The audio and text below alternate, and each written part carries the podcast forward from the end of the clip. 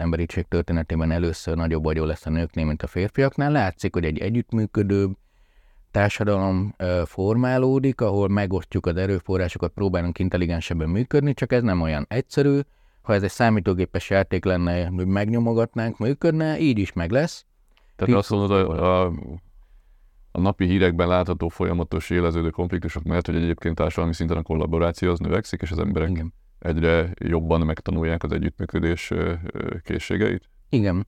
Ez egy nagyon nehéz váltás azért egy olyan faj életében, aki elért az elmúlt 150 évben nagy sikert, megduplázta, megtriplázta az élettartamát, 250-szeresen a világgazdaság, nagyon nagy jólétbe élünk, és most a változást támadásnak érezzük, nem annak, hogy tovább fejlődünk.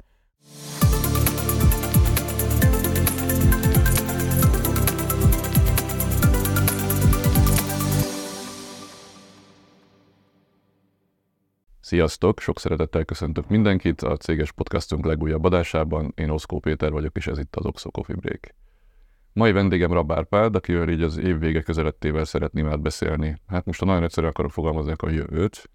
Rabár Pál ugyanis jövőkutató, de arra jutottam így az előkészítő gondolkodások alatt, hogy felteszem elsőként a legostobább kérdést, amit valószínűleg minden jövőkutatónak feltesznek, hogy mit csinál egy jövőkutató? Hogyan zajlik az, hogy reggel bemész, kutatod a jövőt, majd este hazamész, és másnap ugyanezt megismétled. Először is szeretettel köszöntek én is mindenkit, és örülök, hogy itt lehetek. Jó lenne ilyenkor valami romantikus dolgot mondani, hogy úgy kitekintek, és uh, valami misztikus dolgokat. A legtöbb uh, része azért adatgyűjtés, és ez nagyon nagy munka, hogy a hiteles adatok legyenek, és mi fontos.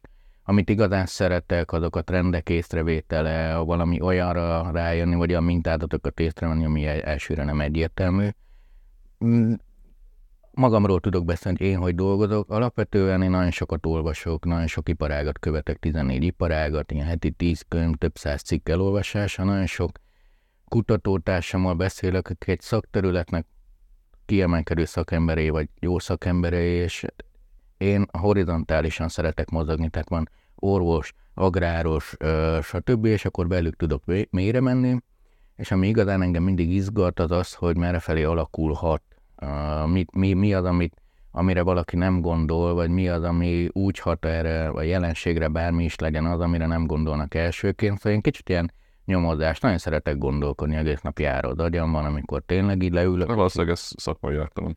Igen, igen, és ez ö, ö, elkerülhetetlen de, de a vizuál része az anya görnyedek egy számítógép fölött, mint oly sok sorstársam. Tehát nehéz ebből mondjuk egy amerikai akciófilmet csinálni. Nagyon nehéz. Biztos lehetne, mert ők képesek ilyesmire, de valószínűleg akkor mm, valamiféle olyan jövőt fedeznék föl, ahol nem tudom, valami bűnszövetkezetek valamire épp törekednek, és akkor már csak néhány kommandós kell, és szexi hölgy, aki fel alá rohangaszik. Ilyenekkel még nem találkoztam. Világos. Azért is vártam nagyon a beszélgetésünket, mert az igazság, hogy, hogy kisebb, sokkal szűkebb spektrumon, de lényegben mi is sokszor hasonlót csinálunk. Tehát a befektetési szakma se arról szól, hogy mi hirtelen véletlenül találunk nagyon jó befektetési célpontokat, hanem trendeket próbálunk előre látni, és hogyha azokat jól látjuk előre, akkor tudunk jó befektetési döntéseket hozni. De jól értem hogy a jövőkutatás magában nem arról szól, hogy valami megváltoztathatatlant előre feltérképezzünk, hanem hogy mindezt azért csináljuk, hogy utána olyan döntéseket hozzunk, ami aztán kihatással is van a jövőre.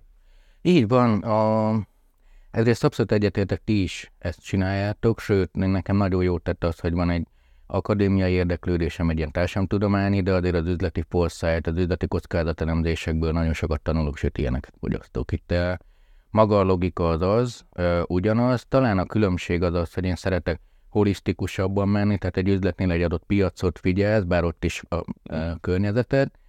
Igen, forgatókönyvek vannak, tudjuk azt, ha így Sőt, most nem félbeszakítanak, de hogy hogy a mi dolgunk sem egyszerű már, mert, mert nem egyszerűen csak azt kell nézni, hogy milyen döntéseket hoz egy-egy bank, hanem azt is kell nézni, hogy hol van háborús konfliktus, minek van hatása az energiaárakra, az hogyan gyűrűzik tovább az egész gazdaságra. Tehát most nem azt mondom, hogy egyre inkább jövőkutatónak érezzük magunkat, de hogy, hogy egyre, egyre szélesebb de, körben, de, egyre szélesebb körben egyre több információt kell feldolgozni. Csak a, amit te csinálsz, annak nyilván más a tétje, tehát nem egy-egy üzleti döntés meghozatalához végzed a kutatásokat, hanem alapvetően szélesebb folyamatokhoz. Igen, én, én igazából, ha ideális esetben számotokra tudok előkészítő anyagokat egy, egy társadalmi spektrumról, de azért nem véletlen, hogy az elmúlt években nagyon-nagyon sok olyan munkám volt, amiket ti végeztek, tehát cégek kértek föl, és ezek sokkal alaposabbak voltak. Nekem, ami izgalmas, mondjuk a társadalom, ez a social innovation projektek, tehát amikor látom azt, hogy mondjuk egy kis tudatossággal, odafigyeléssel, technológia használattal sok embernek jobb lenne, és őket hogy lehet erre rávenni, nem csak üzleti eszközökkel, bár én nagyon hiszek az üzletben, uh-huh. és nagyon szeretem azt, amikor fenntarthatóvá tud lenni úgy egy projekt, hogy az üzleti modell valós mögötte, nem azt, hogy pumpálok bele pénzt, hanem az emberek tényleg akarják, hogy összekapcsolódik. Szerintem ugyanúgy mozgunk lehet, hogy nekem ez a társadalmi érzékenység inkább a frontvonalban van, nem mintha nektek nem lenne meg, és szerintem ami még ilyen, ilyen különbség lehet, az a metaszín, tehát én nagyon szeretek az emberiségről általában, amit az üzletet érdekelt, de azért azon konkrétan nehéz mit kezdeni. Hát igen, de egyre jobb, ez jobb, hogyha egyre inkább érdekli, mert mondom, annyira komplexek a viszonyrendszerek, hogy nehéz azt hinni, hogy én csak egy szűk körbe hozok egy üzleti döntés, és annak aztán nincs kihatása. Szinte mindennek mindenre kihatása van. Pont eljut eszembe, mert sok mindenkinek tulajdonították azt a mondást, hogy ugye angolul tudom, hogy fordítani próbálom, hogy az előjelzések az egy nehéz, nehéz műfaj, különösen, hogyha a jövőről van szó. hogy me, mennyire érzed azt, hogy, hogy, hogy egyre nehezebb, vagy mennyire könnyebb esetleg ez a, ez a fajta műfaj, amit, amit te művelsz? Mert hogy egyre több technológia rendelkezésre, ami, ami ugye akár segíthet adatfeldolgozásban, segíthet rendek megértésében, de közben meg egyre, egyre több mindent kell megérteni. Igen, Tény, hogy egyre komplexebb a világ, és egyre gyorsabb, mert sokan vagyunk és gazdagok lettünk, és a technológiával próbáljuk ezt az életet rendbe hozni, vagy követni. De azért több az adat, nagyon sok a tanulság, nagyon sokan foglalkoznak, ez például az üzlet is ráfordul, de a tudományban is. És a leglényegesebb, hogy itt nem arról van szó, hogy, hogy csak egy forgatókönyv van, tehát nem az van, hogy azt mondom, na ezen túl, nem tudom, csak a 3D nyomtatók terjednek elő, és az autók eltűnnek, hanem vannak autók is 3D nyomtatók is, hanem azt tudom megnézni, mint egy ilyen amőba, egy kicsúcsosodik valami. Tehát nem azt mondom, hogy hibázni nem lehet, de az, hogy a trendet érzékeled, onnantól mondjuk az üzletnek azt, hogy nekem ez az amőba láb az érdekes, a másik cégnek meg ez az amőba láb érdekes. Nem az lesz, hogy, hogy nem tudom, a, mondjuk az idősek jóléte érdekében fejlesztünk majd metaverzumot, robotlábot, közösségi helyeket, internetet, és nem tudom, még intelligens idős otthonokat is, mindegyik van.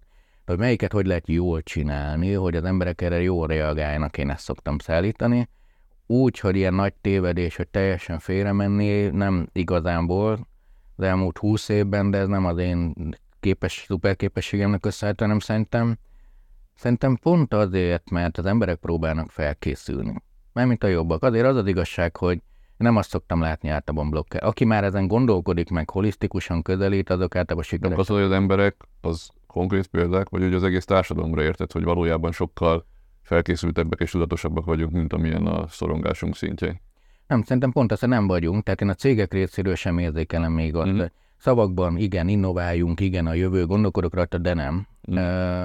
kevesen, és ők sikeresek is, és ők meg is valósítják azokat a forgatókönyveket társadalmi oldalról pedig ilyen, ilyen hazugságokban, hazugságokat szeretnénk ismételni, hogy a felelősséget ledobjuk magunkról, hogy a jövőt meg nem lehet megjósolni, de 5-10-15 évre előre látjuk. Lehet, hogy valamiről nem akarunk tudomást menni. Lehet, hogy nem tudunk valamit, ami hat ránk, de, de akkor utána lehet olvasni. Azt nem azt várom, hogy mindenki jövőkutató legyen, csak azért ezek a tágra nyílt szemű rácsodálkozások, hogy hát nem gondoltam volna, hogy, hogy tényleg egyre drágább lesz a benzin. Hát amikor egy foszilis energia, ami fogy, meg amúgy is, tehát drágább, csak egy példa, de millió más lehetne. Tehát szerintem sokkal több mindent tagadunk le. Én nagyon sokszor azt érzem, hogy nem is a konkrét irány megmondása, hanem inkább egy ilyen szemléletformálás, felszabadítás, tudatosság növelése feladat. Uh-huh. Pessimista vagy a jövőt illetően? Tehát, hogy... Nem, én, én teljesen optimista vagyok. Tehát nem a húsvétszigetek történetét fogja az emberiség az egész bolygón lejátszani, és majd valamilyen ismeretlen okból egyszer csak kipusztulni, hanem azt gondolod, hogy az emberiség képes a legnagyobb válságait is kezelni? Igen, eddig is kezeltük nagyon sokat, ugyanilyen nagyokat. Van egy tényleg nagy kihívásunk, azt, hogy megtartjuk a környezetet úgy, hogy tudjunk benne még élni, és megtartjuk az életszínvonalat 8-9 milliárd ember esetén. Az erőforrások megvannak a Földön, és most az kell, hogy a megfelelő időben, a megfelelő helyen, a megfelelő mennyiségű erőforrás használjuk föl. Intelligenciát és együttműködést kell kölcsönöznünk, és ezek a technológiák pont erről szólnak igazából.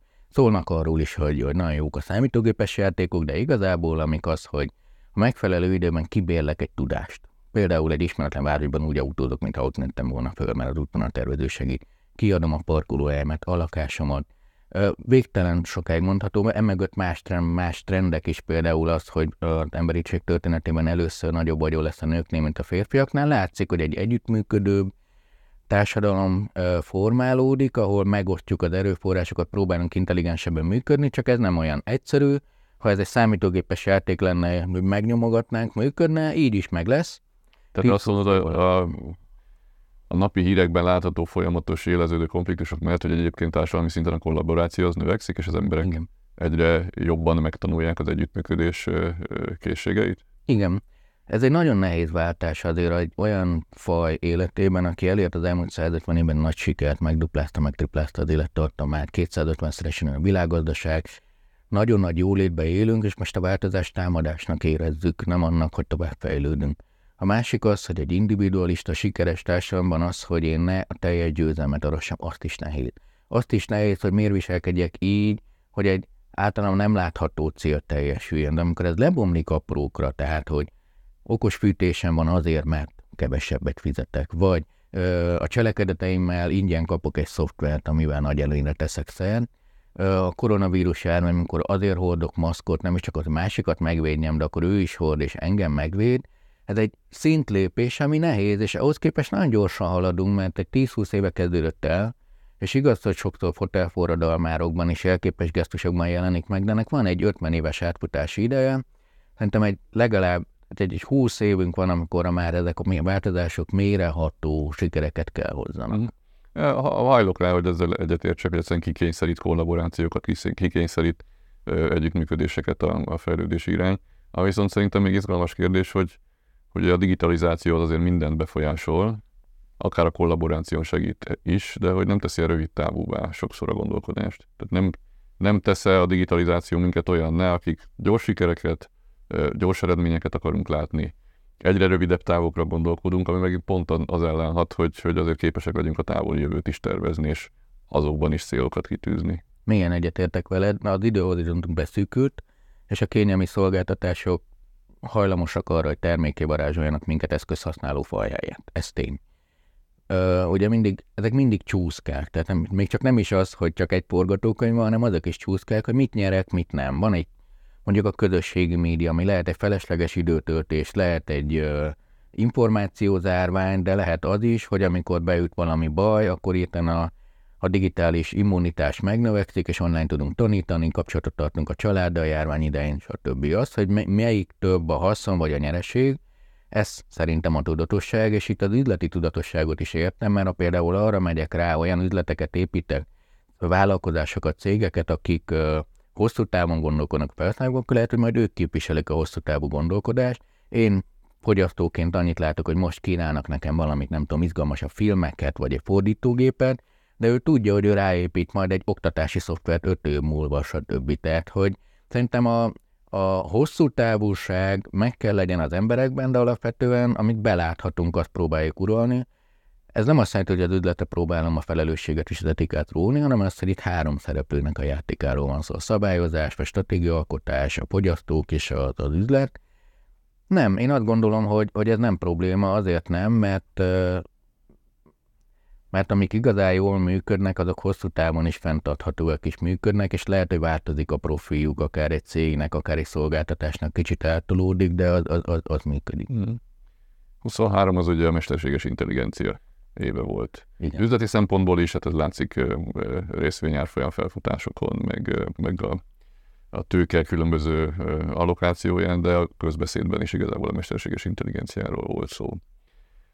Mennyire látod, hogy ez egy valós fordulópont, vagy mennyire ez csak egy folyamat kezdete? Ugye, hogyha most más kisebb, de hasonló folyamatokat nézek, akkor mondjuk a, a zenehallgatási ö, ö, szokásokat, azokat nem a Napster változtatta meg tömegesen, az csak valamit bedobott, és aztán mondjuk a Spotify időszakába vált tömegessé már az online streaming. Vagy nem tudom én, a, a mobiltelefonok világát sem a Nokia vitte dicsőségre, hanem a végén az Apple meg a Samsung aratta le a babérokat. Tehát, hogy most melyik pillanatban az Apple-Samsung pillanatban, vagy a Spotify pillanatban vagyunk, vagy még a Napster és Nokia pillanatban, amikor egy áttörés van, de még egy csomó kudarc következik, egy csomó csalódás, és majd azt a végén a tanulságokat valaki levonja, és, és ügyesen hasznosítja.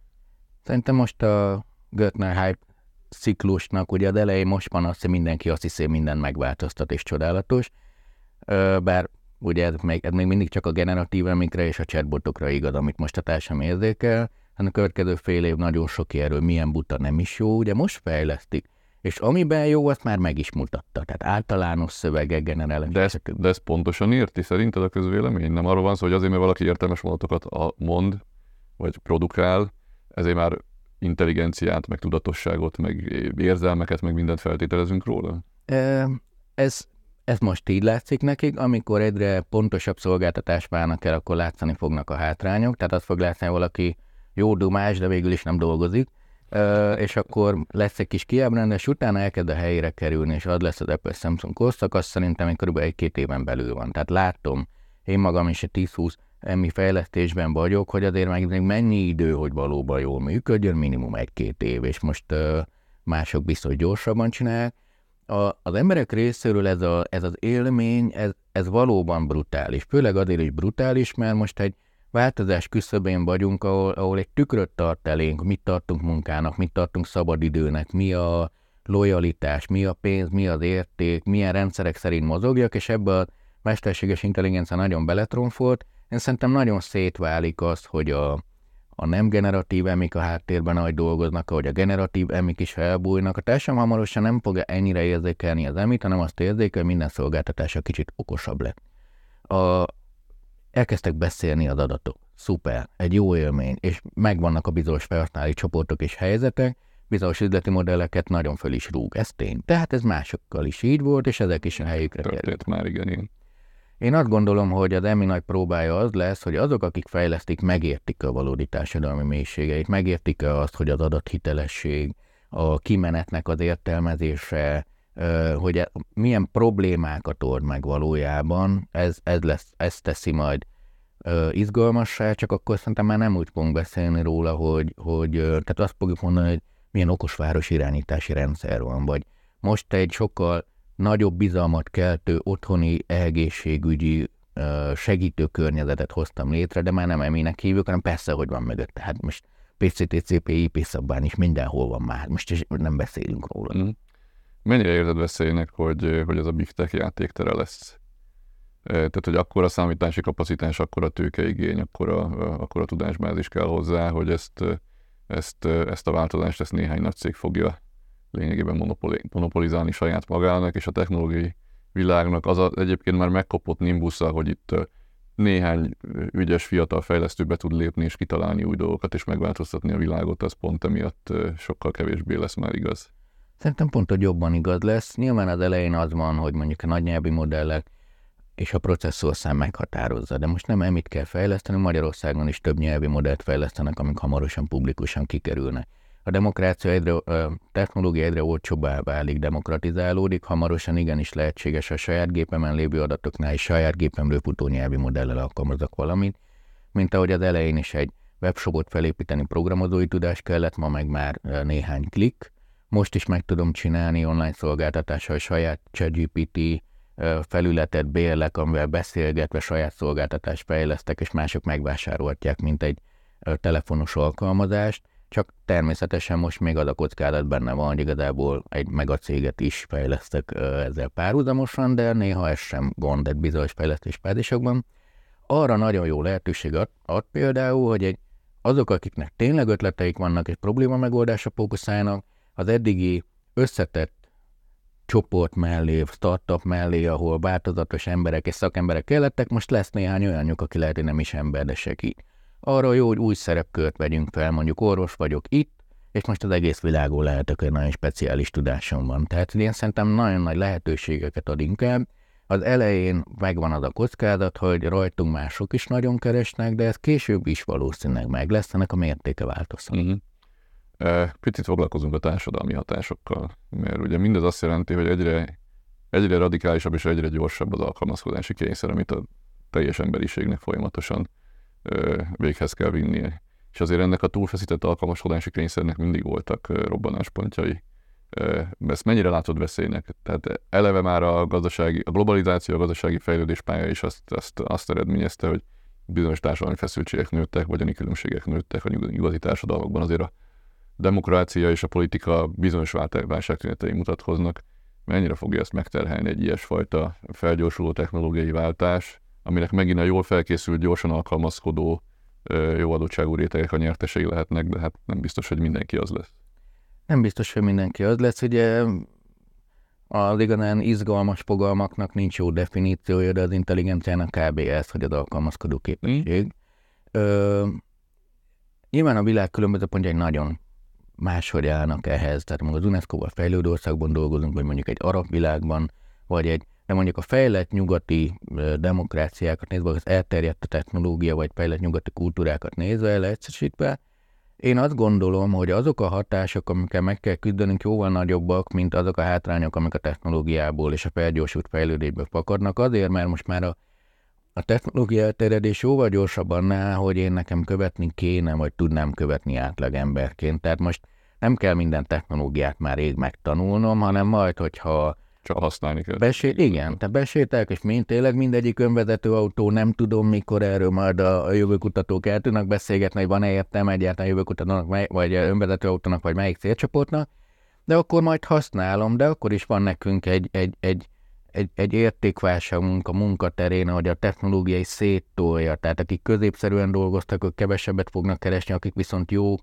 kevesebb munkával, vagy ugyanannyi munkával, akkor többet fognak keresni. Tehát, hogy ezek, a, amit munkaerőpiaci kihívásnak én, vagy a klímaválság, vagy mondjuk az, hogy a élhető környezet, vagy mondjuk az élhető idős lét a fejlett társadalmakban, ahol Magyarországon ugye a társadalom 25%-a 65 év feletti hamarosan.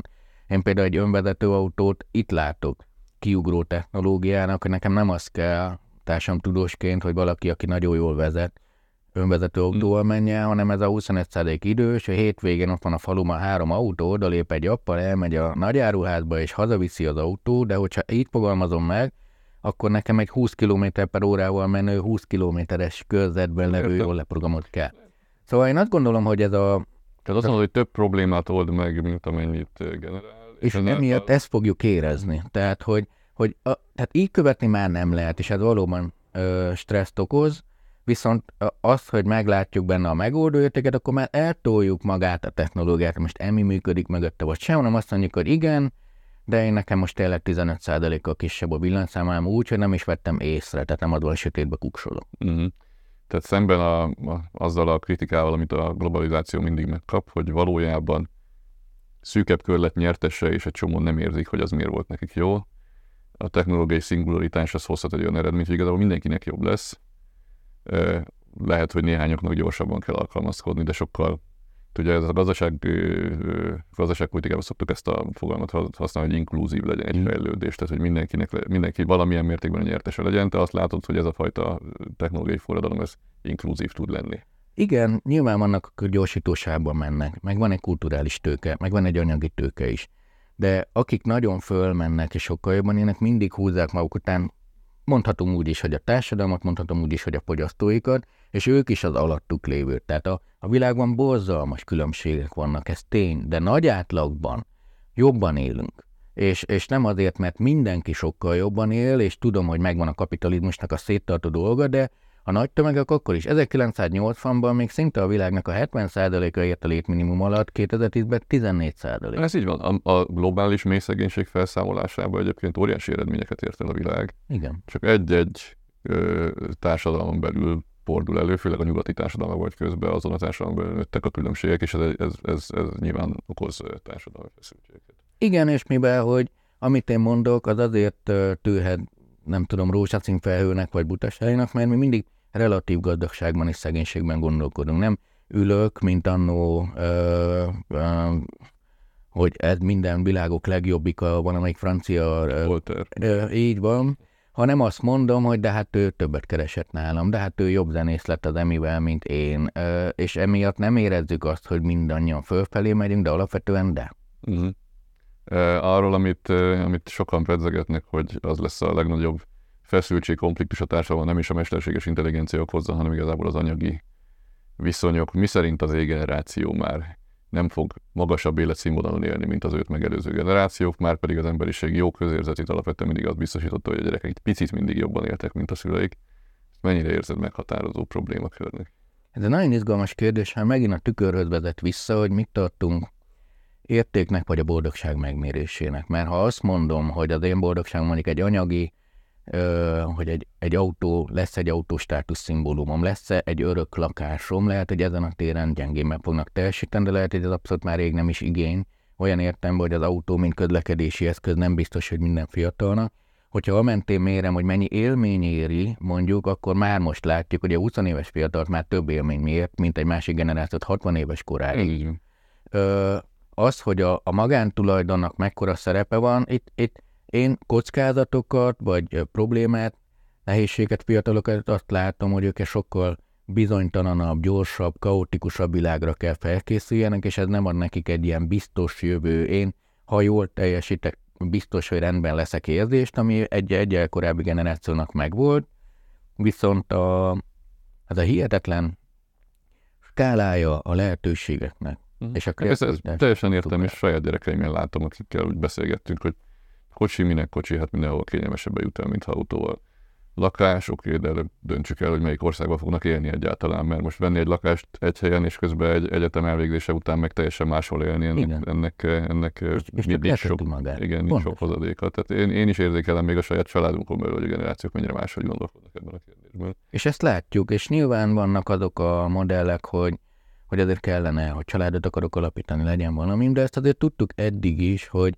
itt már a polgárosodás is egy kicsit máshozott, azért Magyarországon például az öröklakásnak vagy iránt való vágy mindig magasabb volt, mint Nyugat-Európában az elmúlt 30 évben is, ahol inkább az volt, hogy lehet, hogy a családommal egy másik nagyvárosban. Hát igen, alacsony, alacsonyabb is a mobilitás, és, és erősebb ez a fajta ilyen modern társadalmi röghözkötöttség.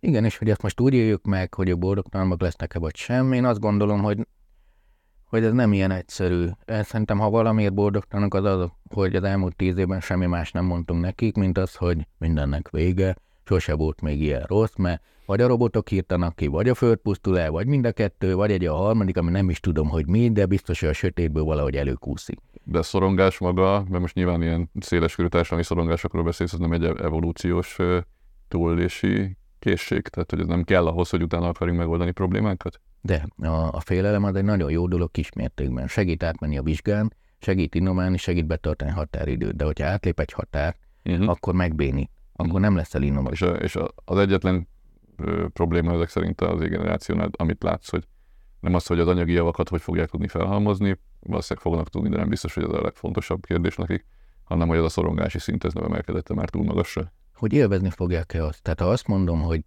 lehet, hogy nem olyan kiszámítható jövőt kapnak, de élménytömeget kapnak, de ha mellette van egy szorongó, depresszív társadalom, akkor ez élménytömeg nem egyenlíti ki, hmm. tehát akkor pont nem jön ki az ereje.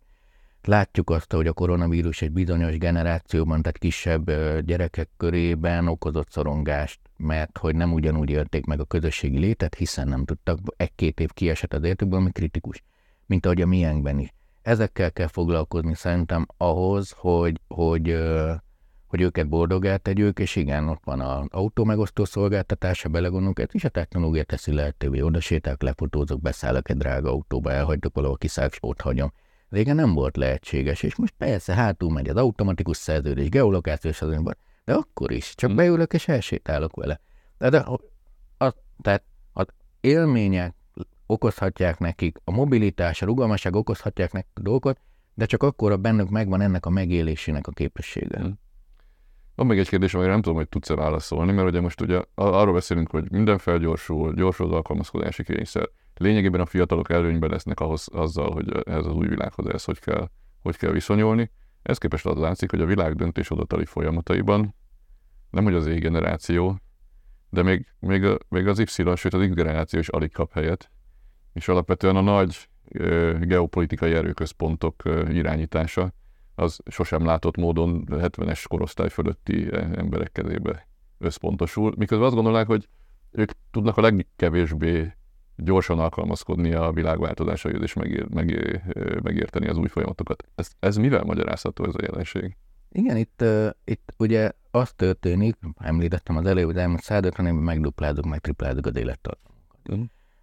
Hát már megváltoztat egy csomó játékszabályt. Például azt, hogy ugyanabban a munkában akarom az egész életemet tölteni, mert nagyon nem mindegy, hogy 30 évről beszélek, vagy 80-ról munkába töltött időben.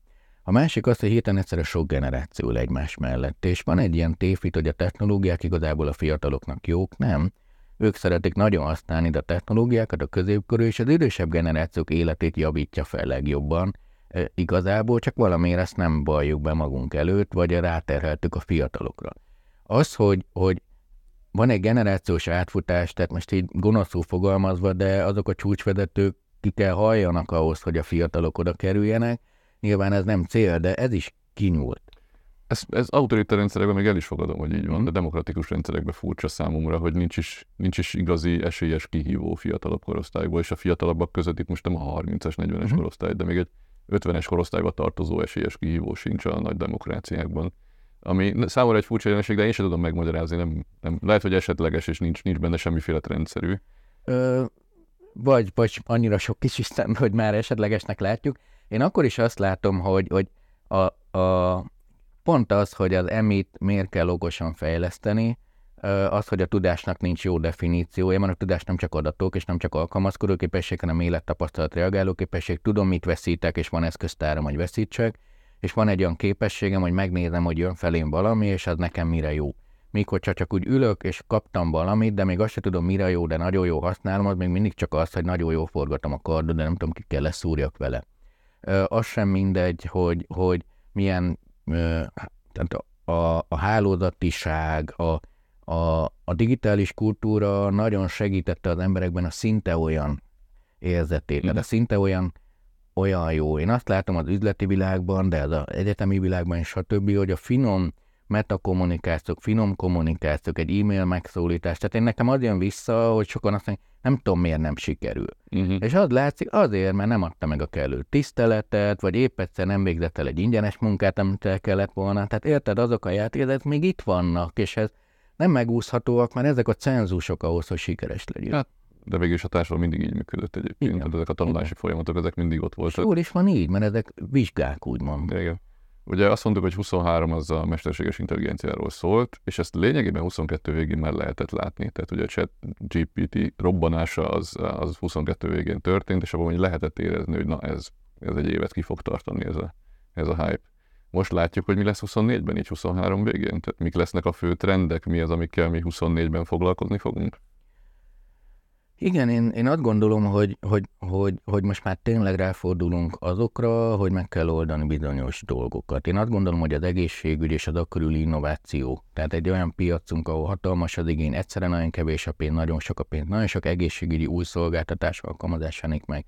Az agráriumnak a digitalizációja és az intelligenciájának a növelése. Tehát én új nagy technológiát, hogy na valami jön, számítógép arréban, nem, a technológiák, és nem csak az emire gondolok, a megoldó értékének a növekedését fogjuk játni, ami azt jelenti, hogy egyre több működő szolgáltatás, ami egyre több digitális technológiát jelent ami egyre nagyobb bizalmat és kiszolgáltatottságot okoz a technológia felé. Szerintem a következő év arról szól, hogy jó, mi az, ami működik, mi az, ami nem. Uh-huh. Tehát miközben a idejében nagy felfedezések éve volt jövőre, akkor visszatérünk ez a konkrét helyszíneken próbáljuk alkalmazni a, a, a mesterséges intelligencia, meg általában a technológiai fejlődés adottságait.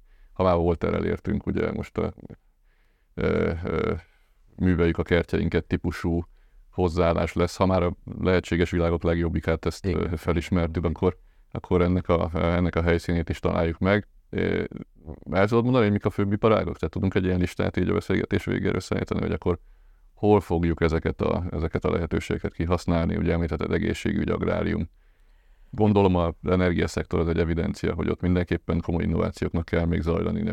Igen, és ott is mondjuk a legizgalmasabb az, hogy az energiaszektor hogy reagál azokra az iparágokra, amiket ki kell szolgálnia, mondjuk akár az elektromos autózásnak a támogatása, hogy jelenik meg, vagy az agrárium támogatása. Én az agrárium egészségügyet látom leginkább, sajnos az oktatásban nem látom, hogy jövőre olyan nagy áttöréseket vagy új hmm. üzleti modelleket látnék feltűnni, most szerte a világban beszélve. Én azt gondolom, hogy, hogy a, a pénzügyi szektorban látsz izgalmas folyamatokat egyébként? A pénzügyi szektorban, ami nagyon izgalmas lesz szerintem az az, hogy hogyan tudjuk kialakítani az új lekötések láncait, tehát akár egy bank, hogy tud magára ezen túl adat vagyongazdaként gondolni a pénz mellett, vagy hogyan tudja a cselekedet alapú lekötésekkel fölépíteni a világát. A pénzügyi szektor minden behálóz, az adat vagy a minden behálóz, a szabályozás, nem látom, hogy nagy meghatározná a jövő évi trendeket, nyilván követjük és megfelelünk, és tudjuk kritizálni és örülne nekik támogatni. Én nekem nagyon, én nagyon fontosnak látom, hogy például az építőiparban miért nem jelennek meg még innovációk, tudom, hogy az, az tehát akkor is következő tíz éven belül szélsőséges időjárási körülmények száma meg háromszorolódik, erre valahogy reagálni kéne. Az űrkutatásban szerintem lesznek látványos eredmények. Én szerintem a, a, az okos város fejlesztéseknek a közösségi együttműködéseiben valódi ilyen most még csak az útvonal tervezőben működünk együtt, mert én eladom az adataimat, és mindenki más eladja, és emiatt jobban közlekedek, de én ilyet szeretnék többet a világban. Mm, hát ez egy elég hosszú étlap, amit most felsoroltál, hogy lesz miből válogatni 2024-ben. Mm. Izgalmas év elé nézünk, és hogyha valakinek lesz munkája, az a jövő kutató, úgyhogy, úgyhogy szerintem fogunk még beszélgetni. Köszönöm, hogy elfogadtad a meghívást, köszönöm mindenkinek, aki követett minket, és hogyha hasonló beszélgetéseket akartok még látni, hallgatni, akkor iratkozzatok fel a YouTube csatornánkra, vagy kövessetek minket a Spotify-on. Sziasztok!